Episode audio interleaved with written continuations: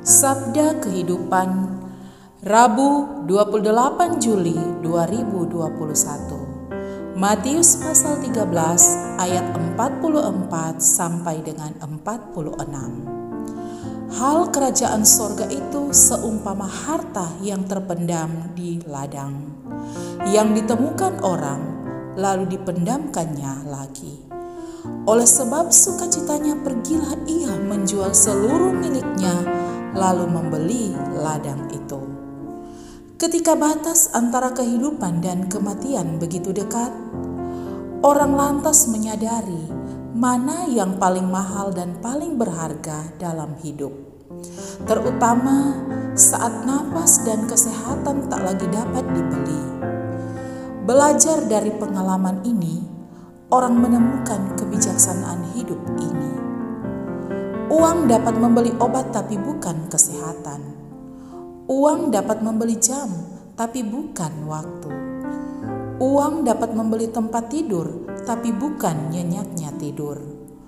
Uang dapat membeli rumah, tapi bukan rasa kerasan di rumah.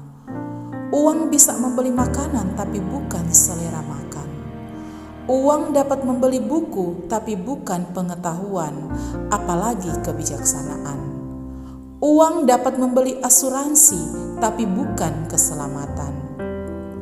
Daftar ini masih bisa diperpanjang, namun intinya ada pada pesan Yesus bagi kita untuk menjadikan Allah Tritunggal Maha Kudus segalanya bagi kita.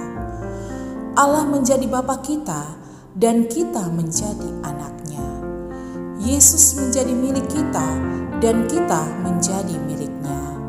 Dialah yang menjadi milik kita yang paling berharga. Roh Kudusnya hidup dalam kita hingga setiap tarikan nafas kita adalah hembusan roh Allah yang menghidupkan.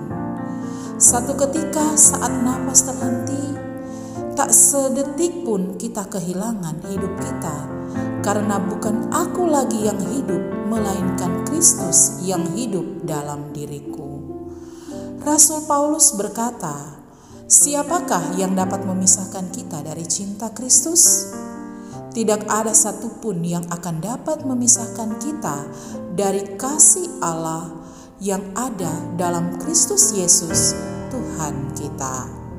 Mari jadikan Yesus segalanya bagiku dan bagimu.